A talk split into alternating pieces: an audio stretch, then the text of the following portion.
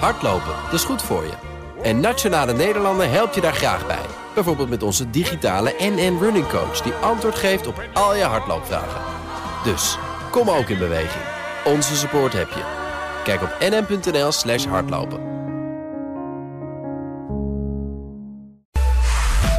BNR Nieuwsradio. Boekenstein en de Wijk. Jan Postma. May en Merkel zien nog vooruitgang, maar het gaat wel allemaal in een slakkengangetje hoor, die brexit. De onderhandelingen zitten voorlopig nog behoorlijk vast. We all hate Brexit. Brexit means Brexit.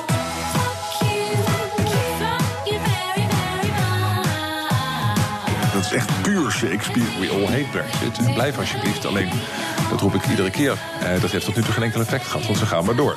I am ambitious and positive for Britain's future and for these negotiations. But I know we still have some way to go.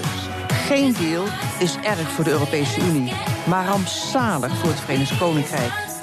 Uh, je merkt dus nu uh, dat er echt een discussie begint uh, te ontstaan over een referendum. Over de, de, resultaten die zijn bereikt uit de onderhandeling van de Brexit. We all hate Brexit. Dat is echt puur Shakespeare. Voor een paar wijze woorden daar. Uh, en wordt hiermee ook de kans op een harde brexit, dus een exit zonder deal, groter. Welkom bij Boekenstein in de Wijk, op zoek naar de nieuwe wereldorde met in de studio. Ja, Rob die vergelijkt hem wel eens met Boris Johnson. En dan heeft hij het natuurlijk over dat wilderige kapsel en over niets anders. Arend Jan Boekenstein. En Arend Jan, ja, die vergelijkt hem wel eens met Margaret Thatcher. Een ijzeren wil en zo'n warme persoonlijkheid. Rob de Wijk. Arend Jan, oh, dat, zeg vind je ik wel toch een goeie. Dat Ja, ja, oh, nee, man. nee, jawel hoor. Ja, dat mag je wel doen. Dat- oh, nou, voor, dit, dit wordt de nieuwe bijnaam, dat, behalve Mar- dat ik geen vrouw ben. Ja. Dat moet even gezegd worden. Dat hadden we ook aan die, dat mooie bassende stemgeluid gehoord. Eh, op afstand, hè, Rob. Eh, dus we hebben je foto Ja. hier weer even op de stoel geplakt. Je bent bij ons. Dus eh, dat in ieder geval eh, is goed. Te gast, Esther Lange, Europarlementariër voor het CDA. Welkom. Ja, dankjewel. Zo'n beetje rechtstreeks, eh, rechtstreeks eh, uit Brussel, begreep ik. Absoluut. Dus, eh, Alle vakantiefiles van de herfstvakantie al gehad, zo ongeveer. Altijd goed, Ja? altijd goed. Ja, eh, toch even naar de heren eerst. Want we hadden vorige week een endorsement eigenlijk voor Hand en Broeken. Ja, nu blijkt toch dat daar niet echt is geluisterd. Die is, eh, eh, lijkt het in ieder geval, geen minister of staatssecretaris geworden. Hoe kan dat, Arend Jan? En wat, Volgens mij is er iets misgegaan er wordt niet meer geluisterd. Kennelijk zijn wij niet goed op de hoogte van wat er gebeurt. Nee, wat er is gebeurd is dat... eh, kijk, de fractievoorzitter van de VVD, Halbe Zijlstra... heeft natuurlijk eh, de invloed... die kan zeggen van ik wil dat hebben, die ministerspost. En die heeft dus... Hij wilde graag sociale zaken hebben... maar er was ook nog een andere kaper op de kust van de ChristenUnie natuurlijk. Hè. En toen en mevrouw eh, eh, Janine Hennis-Jans is opgestapt... Is, heeft hij voor buitenlandse zaken gekozen. Dat betekent dat een VVD-minister buitenlandse zaken zit. En dat betekent dat, dat er niet zo gemakkelijk... een staatssecretaris ook van hetzelfde politieke Dus partij... een politiek spelletje was het. Nou, niet spelletje. Dat zo, dit, met kwartetten spe- eh, gaat, Mhm. eh, gaat soms eh, mis. En dan is het ook zo dat je moet niet alleen kijken naar de politieke kleur van de minister, maar ook naar de politieke kleur van de staatssecretaris. En dan is het een spel waarbij heel veel mensen verdrietig worden. Ja, dat, dat kan ik me voorstellen. Rob, wat vind je, vind je van de keuzes die nu lijken te zijn gemaakt? Zijlstra en Sigrid Kaag, je, je kent ze allebei. Ja, ehm, ja, nou ja, Sigrid Kaag, die, eh, dat lijkt me een hele goede keus. Die, eh, dat zong al lang eh, rond. Heeft een enorme staat van dienst in het buitenland. Is eh, via een diplomaat. Zit nu in het Midden-Oosten. Dus daar heb ik alle vertrouwen in. Dat gaat wel goed, behalve dan dat ze geen politieke ervaring eh, heeft. Eh, nou ja, laten we eens kijken of haar dat lukt om eh, dat zich op zeer korte termijn eigen te maken. Halbe Zelstra, dat weet ik niet. Kijk, je kunt Halbe Zelstra van alles verwijten, behalve dat hij heel veel verstand van buitenlands beleid heeft. Dat heeft hij natuurlijk niet. dat heeft hij niet. Is dat nou erg? Het zou wel eens een keer een voordeel kunnen zijn op dit ogenblik. Eh, Nou? Nederland, eh, heeft een buit, nou, Nederland heeft een buitenlands beleid dat echt moet weggetrokken worden van dat moreel-ethische. Ehm, en dat heeft gewoon te maken met de veranderde wereldorde, waar we het hier continu over hebben. Met Bush, of met, eh, met Trump, met, met de Brexit. Nederland staat er alleen voor. En dat betekent dus feitelijk eh, dat het eigen belang steeds belangrijker gaat worden in het, eh, in het Nederlands buitenlands beleid. Halbe Zijlstra die gaat daarvoor. Dat is, dat is evident. Het zou wel eens een keer een verrassing kunnen worden, maar ja, dat moet nog blijken. Ja, nou in ieder geval, eh, dat gaan we zien. Eh, Esther de Lange, eh, u pleitte eerder, ook in dit programma trouwens, voor een staatssecretaris van Europese Zaken. Ik heb hem nog niet voorbij horen komen. Is dat nog iets Nee. wat gaat gebeuren? Of? Ik ook niet. En ik, ik vrees er dus voor. Eh, ik, ik stel trouwens wel één ding vast. Als je ooit iets wil in zo'n kabinet, moet je in elk geval niet endorsement hebben van Arend Jan. Want dan gaat het gigantisch fout. Eh leid ik hier al uit, eh, uit af. nee, nooit. Mocht ik ooit Nee. staatssecretaris Europese Zaken willen worden, ik ga het stilhouden en niet aan Arend Jan Zo'n vertellen. vrouw, echt heel lang. Ondanks Zo'n vrouw. Ja. Nee, maar ik, even serieus. Ik heb gezien hoe Nederland de voorzitterschap heeft moeten doen eh, van de Europese Unie zonder een staatssecretaris. Ehm, dat was heel erg lastig. Er gebeurt veel in Europa. Ehm, er gebeurt ook veel tussen Frankrijk en Duitsland. Dus een staatssecretaris die echt ehm, niet de hele wereld hoeft te doen, maar juist die Europese verhoudingen ehm, voor Nederland ook goed kan houden, eh, had ik wel een goed idee gevonden. En volgens mij stond ik daar niet eh, alleen in. Maar de premier heeft het heel erg naar zich toegetrokken. En die is er natuurlijk bij gebaat. Die, bij, eh, Rutte die belt heel vaak met Merkel. Hè. Zit er ook heel lang in. Ik kan me heel zelf goed, doen. Ik kan me heel goed voorstellen dat hij dat gewoon geen, hij wil het gewoon zelf doen. ja. Ja, Ja, maar ik, ik hoor u wel, want u zit er natuurlijk veel beter en dichterbij dan wij. Ik hoor u wel in verleden tijd praten. Het, hij gaat er ook niet meer komen. Nou, is mijn indruk. Ik zou verbaasd zijn als hij er nog zou komen. Ik bedoel, eh, de verbazingen en de wonderen zijn de wereld misschien ook nog helemaal niet Nee. uit. Maar ehm, gezien ook het verzet wat ik via via wel hoorde, eh, bijvoorbeeld bij een ministerie als Algemene Zaken, verwacht ik niet dat het er eh, per se gaat komen. Duidelijk. Nou, laten we gelijk toch even doorgaan naar waar we het eigenlijk over zouden hebben. De brexit. Eh, vrijdag hadden we state- statements van May en Merkel. Die leken iets positiever van toon. Merkel die zegt, ik ben gemotiveerd om stappen te zetten. May die zegt, er wordt vooruitgang geboekt. We zien het alleen nog niet.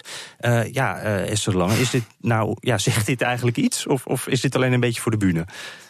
Nou, er is wel vooruitgang. En zeker op het gebied van de rechten van Europese burgers in het Verenigd Koninkrijk zijn we er nog niet, maar zie ik voortgang. Dat is positief. Ja, dat zei eh, May volgens mij ook. Dat is, daar eh, hebben we bijna eh, touching distance. Ja, daar gaat het echt nog wel om heel belangrijke details die echt mensen heel erg ehm, persoonlijk raken. Bijvoorbeeld Mhm. mag je dan strakjes nog als een soort gezinshereniging een zieke vader of een zieke moeder naar je halen in het Verenigd Koninkrijk om die te verzorgen. Kunnen jouw kinderen, als ze niet de Britse nationaliteit hebben, maar daar wel al jarenlang wonen, geweigerd worden op een Britse universiteit? Heel fundamenteel. Ehm, dus we zijn er nog niet, maar daar zit voortgang in. De kwestie van de grens tussen Ierland en Noord-Ierland.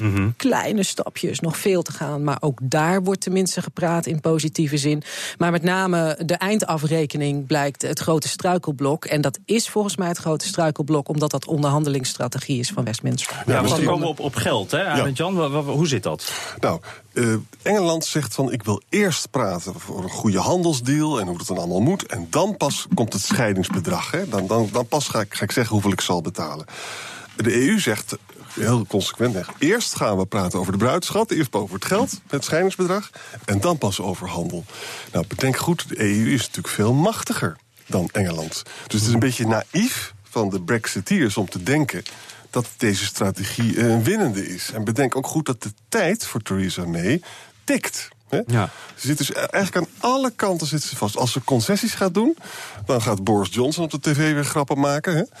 En als ze een harde lijn blijft houden, dan zegt de EU... ja, sorry, eh, jullie hebben de grootst mogelijke problemen. Ja, eh, Rob, als jij dit eh, zo hoort en dan ook de verhalen van, van vrijdag hoort... hoe groot schat jij dan op dit moment de kans op, op een harde brexit? Is dat iets waar jij je zorgen om maakt? Ik denk dat, zoals ik het nu zie, dat die er wel gaat komen.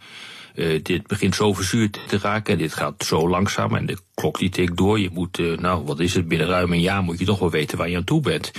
En als je nog niet eens eh, kunt, overeen kunt komen wat nou precies die voorspel moet zijn, dat zou dan variëren van een bedrag van, laten we zeggen, 20 tot 55 miljard euro. Eh, dat is op zich is dat te, overzien. Maar als je dus daar al zo'n groot punt van eh, gaat maken, dan kom je natuurlijk nooit aan dat handelsverdrag eh, toe. Eh, dus je, er wordt nu al gediscussieerd over hoe moeten we die hele zaak eh, gaan eh, verlengen.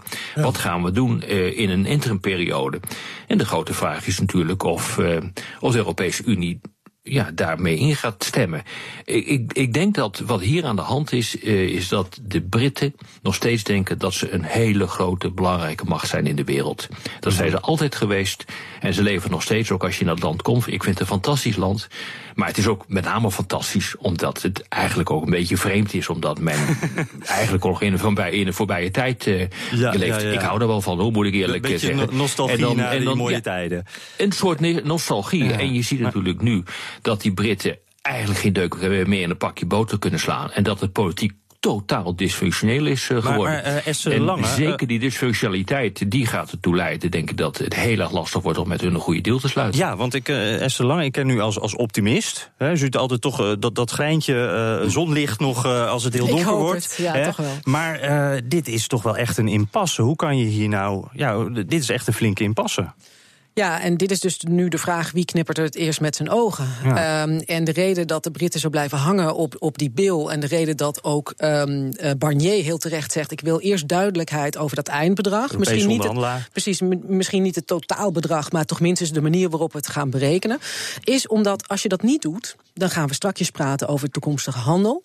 En dan zeggen de Britten, ja, we willen wel toegang tot de markt... maar we willen eigenlijk geen enkele pool meer zien in Groot-Brittannië. Mm -hmm. Dan zeggen wij, nou, dat lijkt het ons niet helemaal eerlijk. Wel producten Hè, maar mensen wil je niet meer zien. En dan zeggen zij, ja, maar dan gaan, hè, als we onze zin niet krijgen, gaan we ook niet betalen. Dus they will buy their way into the internal market. Dat is de gevreesde strategie van de Britten. En die gaan ze alleen krijgen op het moment dat je geen helderheid hebt over de eindrekening. voordat je gaat praten over het toekomstige handelsverdrag. En dat moet je dus niet doen. Waar zit het grote gevaar? Het grote gevaar zit hem in die Raad van Ministers. Uh, op die Europese top. Dat er een aantal van die mensen uh, slappe knieën gaat krijgen en gaat zeggen: ah ja, mm -hmm. laten we toch maar alvast. Dat is niet Ja. gebeurd. Ik zie ook in ons regeerakkoord uh, sterke steun voor. Hè, we moeten Maar met ziet u dat 27 gebeuren? samen blijven.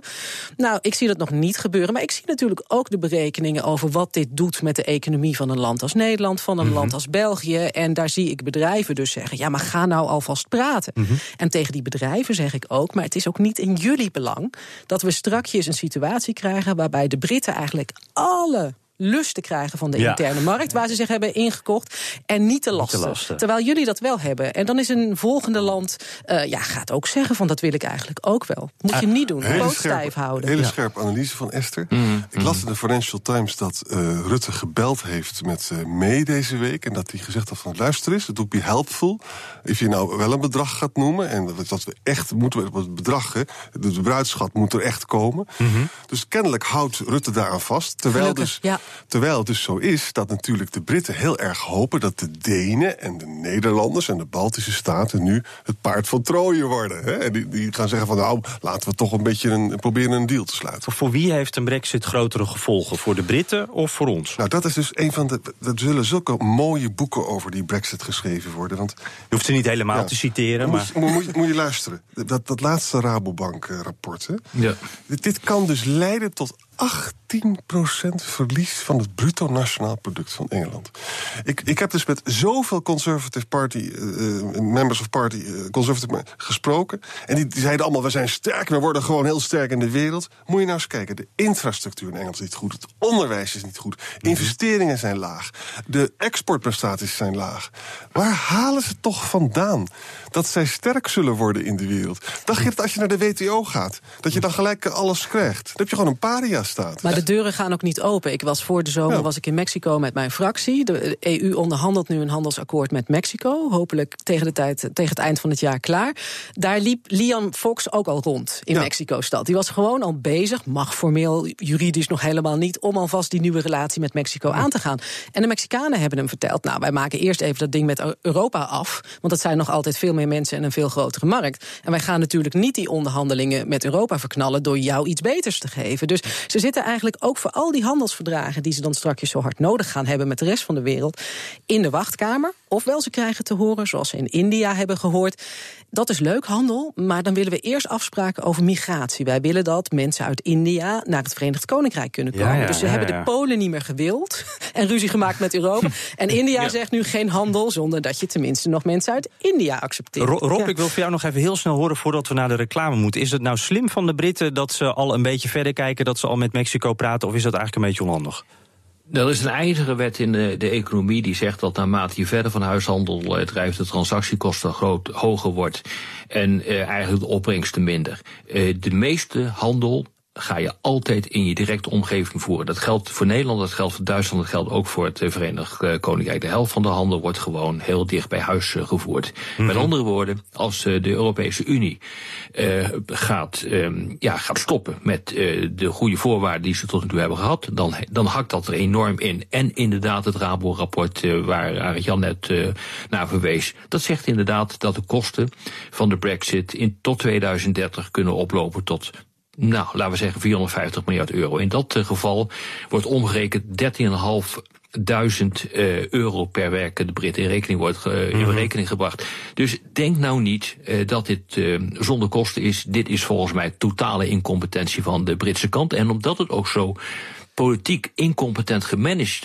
is, kan ik me niet voorstellen dat ze deze onderhandelingen nu ineens wel goed zullen gaan Nou, doen. la- laten we daar een punt zetten. Gaan we namelijk snel naar de reclame. En dan hoort u eh, straks daarna een tip van Arend Jan voor Mark. BNR Nieuwsradio. Boekenstein en de Wijk.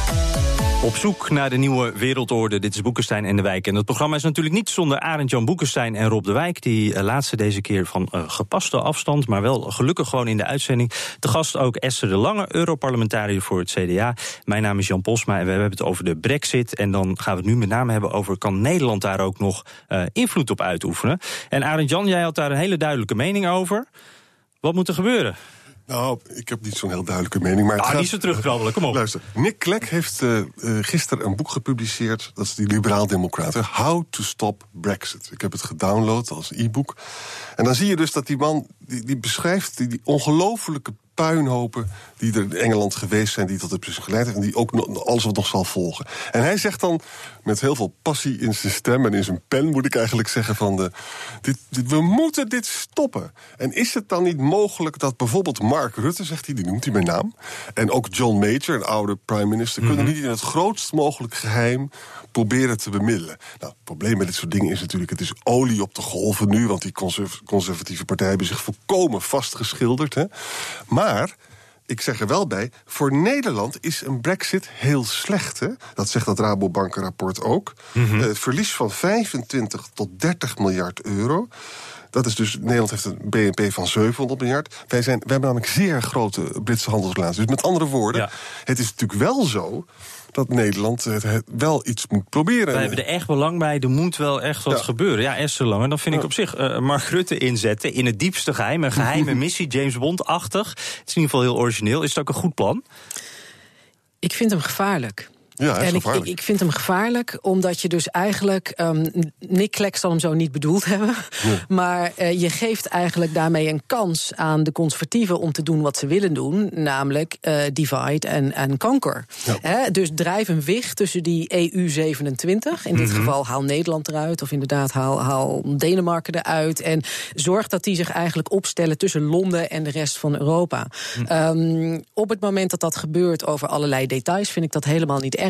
Op het moment dat dat betekent, we gaan geen afspraken maken over de eindafrekening en wel alvast praten, Ja, vind dat ik dat niet. een zeer gevaarlijke Eh, strategie. eh, even Arend Jan voor de duidelijkheid. Eh, zegt Nick Clegg dan eigenlijk Rutte moet het namens Europa doen? Of namens Nederland? Nee. Even zo tussendoor. Nee, Nederland kan niks namens Europa doen. Maar dit gaat dan gewoon om geheime diplomatie. Ja. Overigens, gelukkig heeft Merkel vandaag ook gezegd van... luister eens, the ball is also in our court. Hè. Dus Merkel is ook een klein beetje aan het bewegen. Ja, zei ze gisteren, maar, hè? Ja. maar Esther zegt heel terecht... de belangrijke onderhandelingspositie van Europa... dat blok moet gesloten worden. Als je zo dom opereert als de Britten... dan moet je niet dat blok uit elkaar laten spelen. En dat gaat er dus tegenin. Rob En even, even een kijkje in de keuken. De conser- conservatieven doen dit al. Bijvoorbeeld de Britse conservatieven in het Europees Parlement. Die hebben heel bewust een aantal delegaties van andere fracties aangeschreven. Of ze eens een keer bilateraal willen Ah. komen eten in Straatsburg met de Britse conservatieven. En eh, uiteraard ook de Nederlandse EVP'ers hebben zo'n mail ontvangen. Van En- kom eens even één op één praten. En wat hebben ze daarop geantwoord, weet u dat? Ja, wij gaan dat doen. Al Ja, is het, het maar om te weten gebeuren. wat ze verdorie van plan zijn. Ja, ja eh, Rob, is, is dat inderdaad de, de manier? Het is ook een lastige eh, afweging steeds. Het eigen belang, het nationale belang en het Europese belang. Nou, ik denk het niet. Ik denk als hier een einde aan komt, aan die brexit, dan zal dat niet uh, door middel van geheime onderhandelingen gebeuren. Uh, want geheime onderhandelingen in deze wereld, die komen toch altijd uit. Dan komt het omdat de bevolking in opstand gaat komen. Op een gegeven moment zal er denk ik toch een moment komen dat de mensen zich echt gaan realiseren hoeveel dit gaat kosten. Zowel hier in, uh, in Europa als in het Verenigd Koninkrijk. nu al zie je dat peilingen uitwijzen dat 39% van de Britten vreest dat zijn portemonnee wordt geraakt. Nou, uh, dat getal zal alleen maar uh, groter worden. Men begint zich te realiseren dat ze besodemieterd zijn. Uh, dat er niet per week een bedrag van 350 miljoen kan worden toegeschreven aan de, de healthcare. Dat gaat dus gewoon niet. -hmm.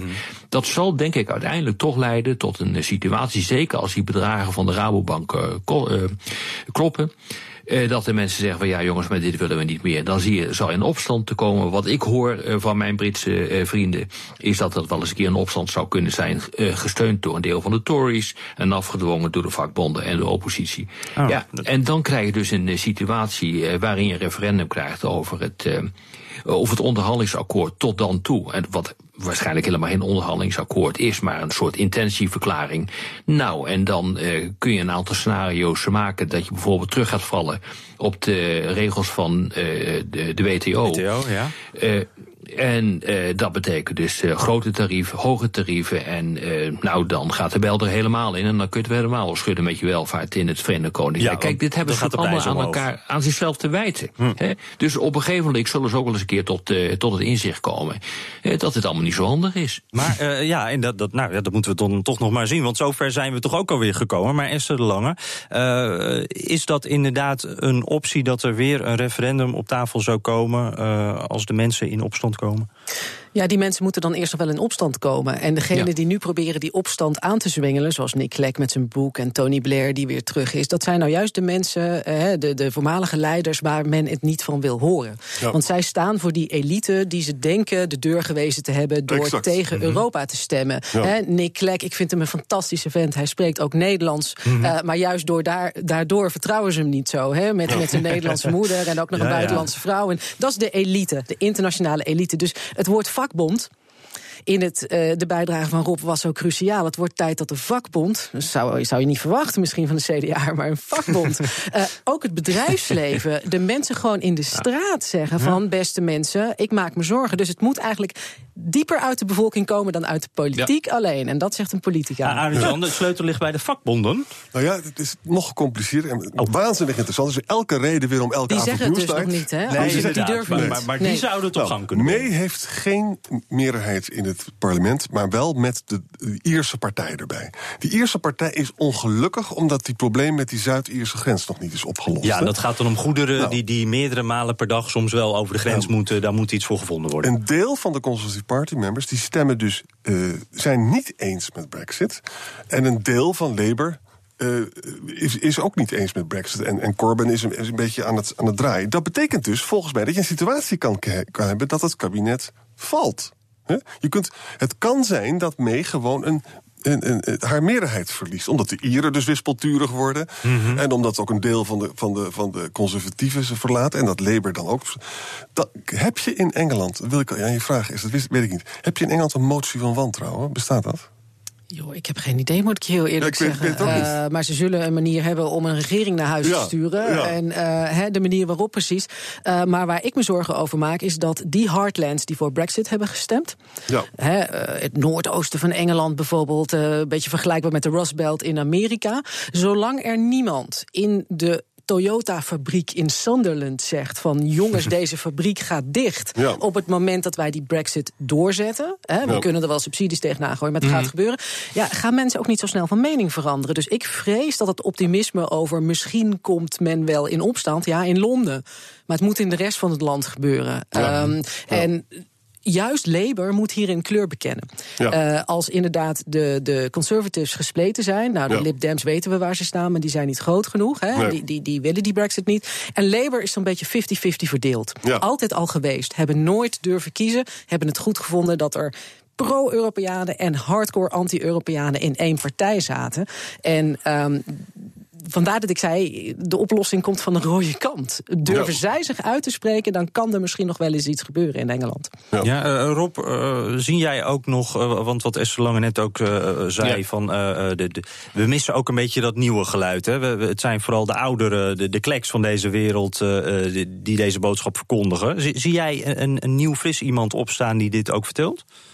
Nee, op dit ogenblik niet. Nee, de crux zit hem inderdaad bij, de, bij de vakbonden. En eh, het is absoluut eh, evident eh, dat eh, inderdaad in die rustbelt... dan hebben mensen niet in opstand komen. En als ze niet zeggen van, eh, oh jee, mijn fabriek eh, gaat dicht... nou, dan zal er waarschijnlijk niks gaan, eh, gaan gebeuren.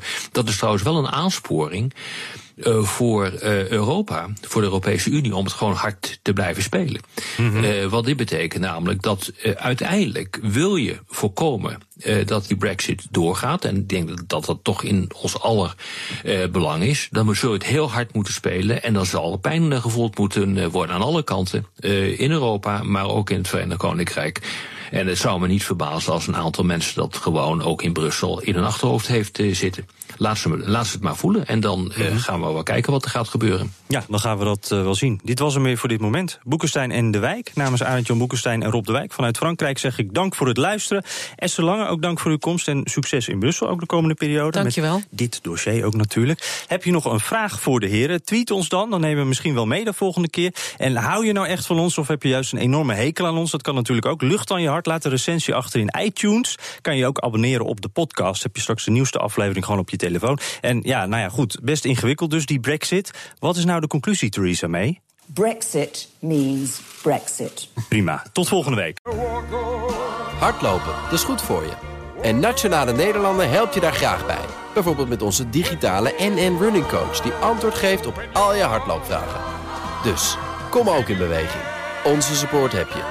Kijk op nn.nl slash hardlopen.